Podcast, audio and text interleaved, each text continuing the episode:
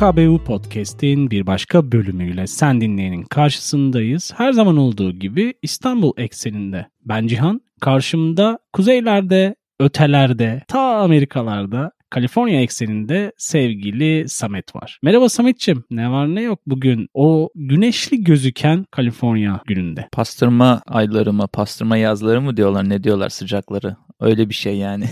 ya çünkü bayağı Yürüyüşe gittim. güneş yansıyor. Bisiklet sürdüm. Evet evet güneş falan. Sonra bir bakıyorum telefonda önümüzdeki 3-4 güne full yağmur. Bir güneş bir yağmur. Bir Aa, güneş bir yağmur. Var Ne tesadüf. Aynı değil mi? Ya bu paralel hava muhabbetleri de artık. yani şey şehir efsanesi devam ediyor. Full İstanbul yağmurlu bu hafta. Zaten bu haftanın bölümünü çekiyoruz ve bu hafta yağmurlu. Önümüzdeki hafta da benzer şekilde sevgili dinleyene güncel dinliyorsa eğer hava durumundan Evet, da. evet. Bahsetmeden olmuyor bu bölümde ya. Hatta bütün bölümler. ya bir, bir ara bölümü çekiyorduk. Bölüm o kadar birikiyordu ki 6 hafta sonra falan yayına girdiğinde Aa biz bu bölümü mü anlatmışız bunları mı Ya. söylemişiz oluyordum. Birileri bir şey geri yazdığında Evet evet. Şimdi çekiyoruz ertesi gün yayına giriyor falan. Yani buradan da dinleyici stoklarımızın inanılmaz. eridiğini anlayabilir. Yani ne var ne yok şöyle bir şey var. Ee, stres seviyesinin daha ne kadar maksimize edilebileceğinin test edildiği günlerden geçiyorum diyebilirim. Sende Bu- ne var ne yok. Hangi çizgi filmdeydi ya?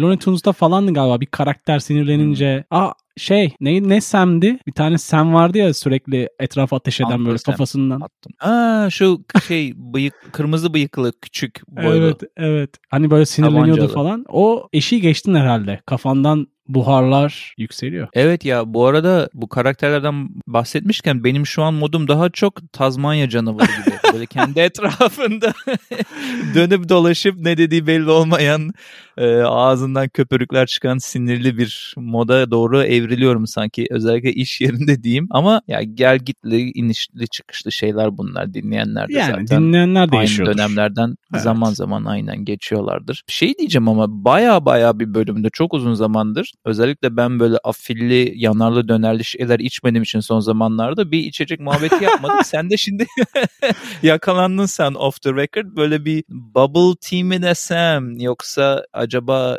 yani Doğru. Hatta çok hatta karakterize edeyim. içinde ne var?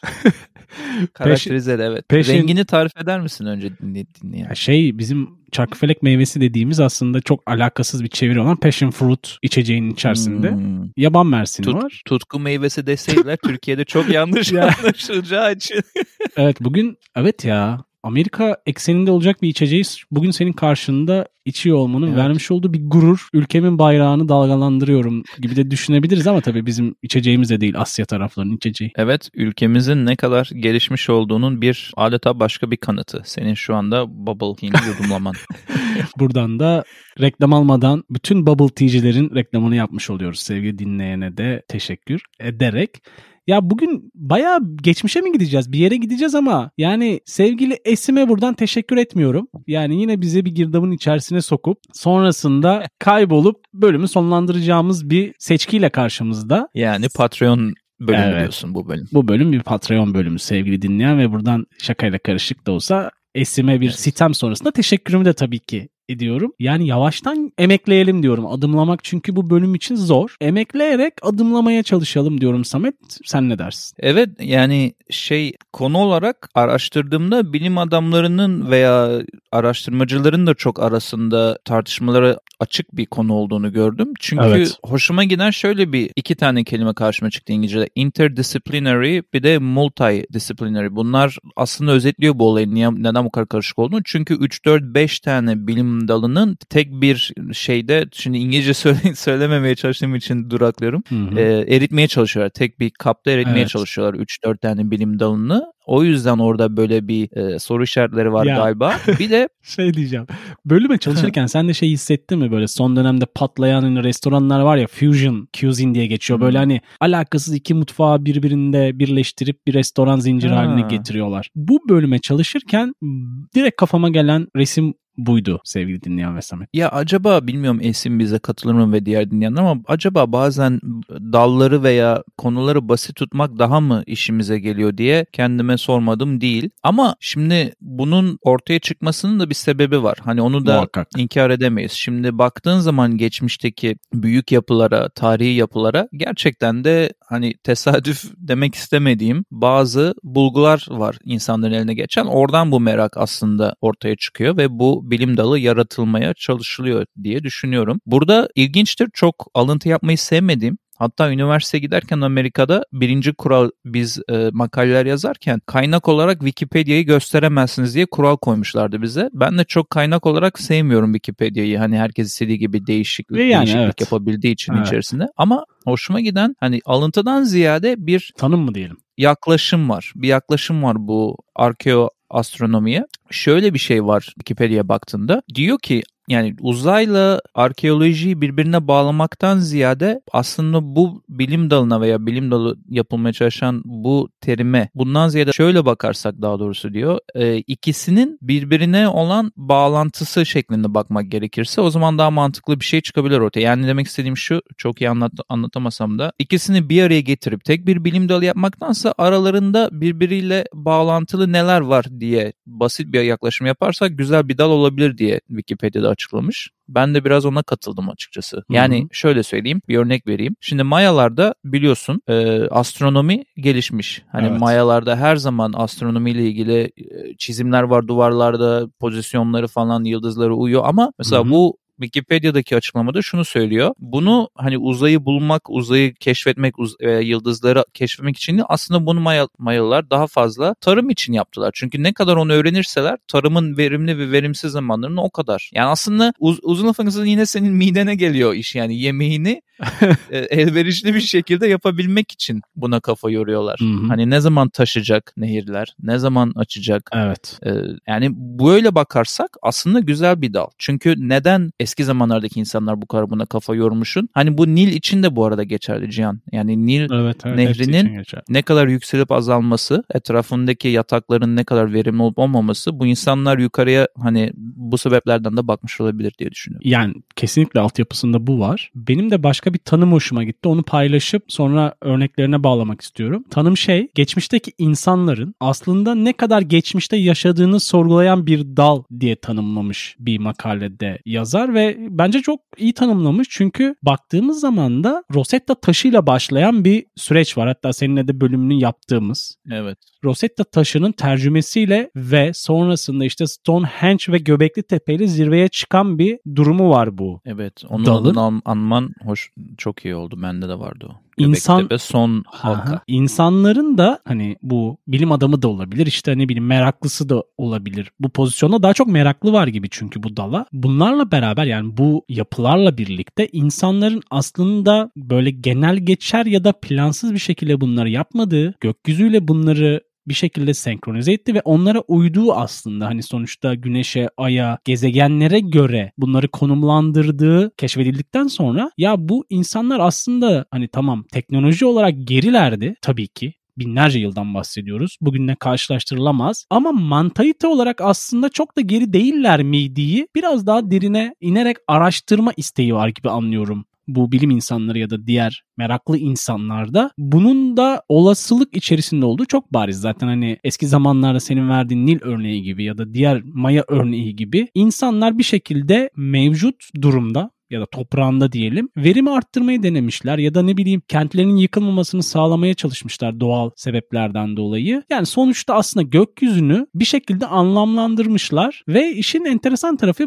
tabii ki yani arkeoloji ve astronomiyle şu an kombine bir daldan bahsediyoruz. Bayağı aslında uç gibi gözüken bir taraftan da benzeşen ve birleşen tarafları da var gibi gözüküyor. Ama ve lakin hani direkt bir hani konsantrasyon bir dal mıdır? O tabii ki büyük bir tartışma konusu gibi Samet. Evet, e, yıldızların ve taşların bilimi diye ben de bir alıntı görmüştüm bir yerde. Bir tanesi yerin dibine gömülü olan yerlere bakarken diğeri yukarılara bakıyor. Tam zıt yönde iki tane haritanın bir araya gelmesi durumu. Ya bir de şöyle bir şey de hissediyorum ben. Eski zamanlarda çok fazla fazla yapacağın bir şey yokken hani avlanmak ve Hı hı. e, barınmak dışında hani bütün gece yıldızları izleme fırsatın oluyor ve düşünsene kafanın üzerinde kocaman bir harita var. Yani bir orada duran keşfedilmeyi bekleyen bir harita var. Öyle bir durum yani onlar için. Şu anda günlük koşuşturmada hani yılda bir kere iki kere kampa mampa bir yere ışıklardan uzak bir yere gittiğimde bir kafamı kaldırıyorum ve hani Evet. tekrar büyüleniyorum. Hani insanlarda da öyle bir durum yok artık günümüzde. Şeyi getirmeye çalışıyorum. Niye böyle bu- bundan bahsediyorum?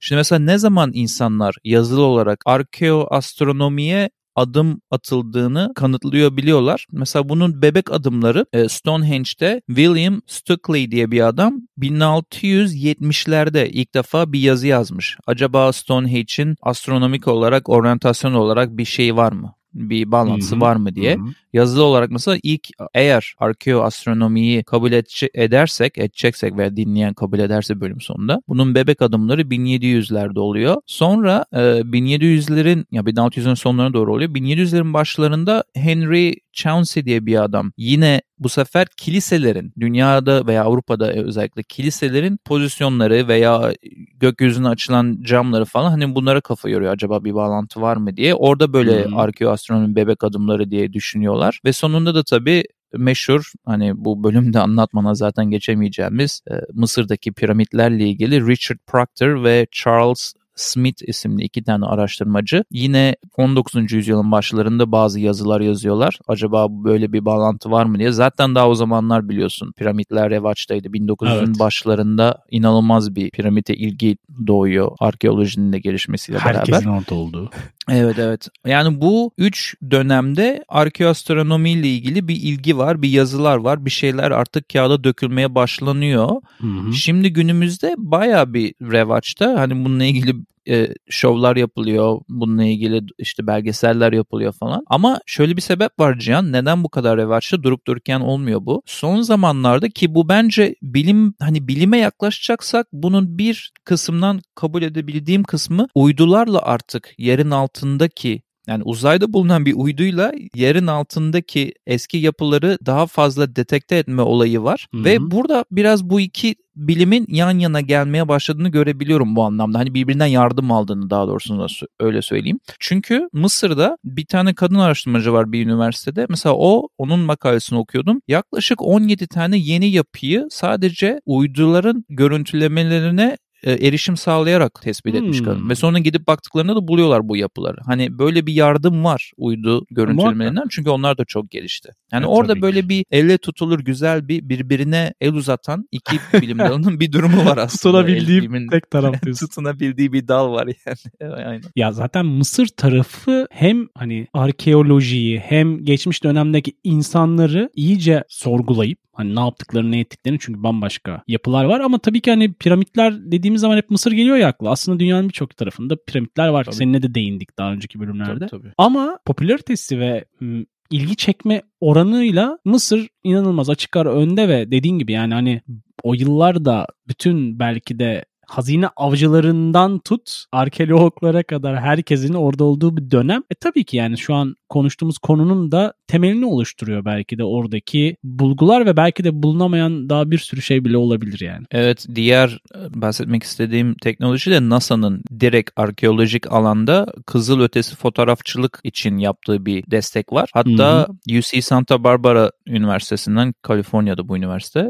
e, coğrafya bölümünden Yehuda Kedar isimli bir araştırmacı NASA'nın bu kızıl ötesi fotoğrafçılık desteğini alarak bayağı bir araştırma yapıyor ve yerler buluyor, arkeolojik kazılar buluyor. Ya şeyi çok kısa değinmek istiyorum. Çok derine girmeyeceğim çünkü kendi başına bir bölüm hak eden bir konu o. Göbekli Tepe'de çoğu taşlar, bu taşlar ta- artık biliyorsun bulundukça numaralandırıldı. Evet. Çoğu taşlar hayvan çizimleriyle ilgili bulgular var üzerine. Yani hayvanlarla ilgili veya işte hikayeler olabilir ama bir taşta 43 numaralı pillar diye geçiyor İngilizce'de o yüzden taş diyorum. Ee, 43 numaralı e, taşta biraz insanları acaba Göbekli Tepe'de de observatory yani gökyüzünü izlemeye yönelik bazı e, çizimler yapıldı mı diye sormaya itmiş. Ama bayağı okumaya çalıştım. Hatta İngilizce bazı e, jurnaller okumaya çalıştım. Yine orada da bir tartışma var. Hani %100 kanılan bir şey zaten çok taze bir şey. Yeni bulunan bir şey. Yani Evet. 2017'de falan bu son bahsettiğim taşa bir yoğunlaşma oluyor. Dolayısıyla yine de bir soru işareti var ama acaba e, bu bulguda da yani bu kazıda da böyle şeyler oldu mu diye. Hı hı. Diğer benim ismini zikretmek istediğim başka yerde bence geçmememiz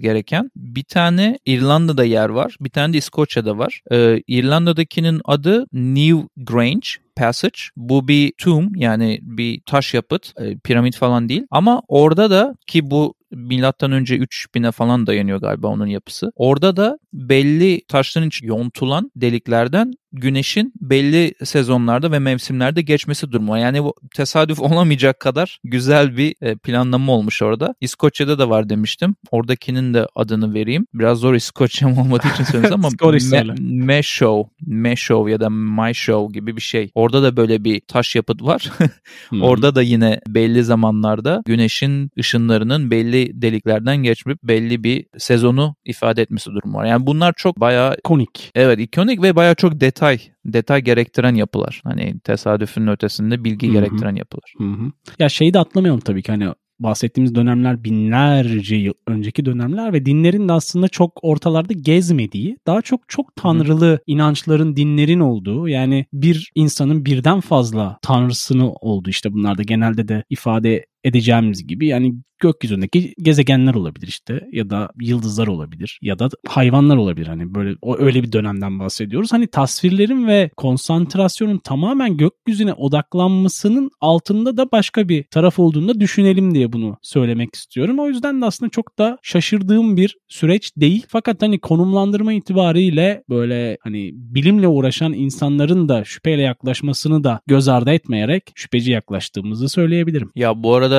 şunu da söyleyeyim ama bilimde bir ana bilim akım var ve bu ana bilim akım ya bu akımda bazı bilim adamları kendi narratif dedikleri, kendi anlatımlarının, kendi kabul ettiklerinin bütün dünyada aynı kalmasını, kendi ünvanlarının aynı kalması, elindeki hı. gücün aynı kalmasını isteyenler de var. Aslında hani bilim hep şey diyoruz ya açık fikirliliktir, yeniliktir, şudur budur falan. Ee, bu bölüm ekseninde değil ama başka bölümler ekseninde çoğu zaman araştırırken gördüğüm bazı insanların bir tezi ortaya attığında daha bakılmadan, araştırmadan, etmeden reddedilmesi durumları da oluyor. Bunda mesela en aklıma geleni de söyleyeyim. Ee, daha onun bölümünü yapmadık sanırım. Ama Oumuamua taşının dünyaya yaklaşıp bizim güneş sisteminden geçip uzaklaşmasıyla ilgili mesela çok ünlü bir bilim adamı var. Harvard'da adam. Adam Harvard'da öğretmen, aynı zamanda bilim adamı ve hep şeyden sitem ediyor podcastlere, e, röportajlara çıktığında. Hani bırakın da bakmayı, araştırmayı veya tezi çürütmeyi falan hani baştan bunu daha söylerken reddedildim diyor. Bu bilim değil diyor. Hani bilim aslında birazcık açık fikirli olmak diye. Hani çünkü onun biraz e, iddiaları var o taşın ne ol,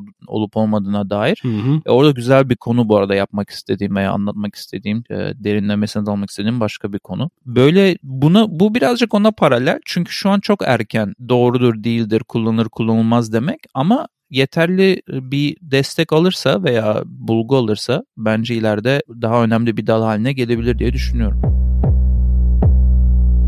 Ne öneriyoruz kısmıyla bir kez daha sen dinleyin. Karşısındayız. Her zaman olduğu gibi bazı önerilerimiz var. Bölümle alakalı ve alakasız olmak üzere sevgili Samet hazır bir şekilde burada ben de Bubble Team'le beraberim. Afiyet olsun. Şimdi bölümle biraz alakalı olsun diye iki tane belgesel önereceğim. Bunlar sanırım Amerikan Am- Amazon Prime gibi e, platformlarda bulunuyor. Belki burada da vardır. Türkiye'de de- Amazon belki Prime'ın. Türkiye versiyonu. Hı hı. Aynen. Secrets of the Parthenon bir tanesi. Bu Yunanistan'da bulunan bir tane yapıyla ilgili belgesel. Uzaktan da olsa bir alakası var bununla. Çünkü gökyüzüyle de alakalı bazı bilgiler var bu belgeselde bu yapıyla ilgili konuşurken. Hı hı. Bu arada bölüm içinde unuttuk. Şimdi çok derine girmeyeceğim geri gitmemek için ama Roma'da da çok önemli e, arkeoloji ve astronomiyi birbirine bağlayabilme ihtimali olan yapılar var. Onu da söyleyeyim. Eğer ilgilenenler varsa baksınlar. Onu atlamadan geçmeyelim. Diğer belgesel de Egypt's Golden Empire. Bu da direkt yine bölümle alakalı olmasa da Mısır'dan yine hafiften bahsettiğimiz için bir türlü şu. Mısır'a da bu arada Cihan'ım derinlemesine giremedik hiç. Her seferinde etrafından gezinen konularla değiniyoruz Şey gibi Mısır'a. ya çok yakında çok yakında diye diye 200'e Aynen. geldik. Aynen.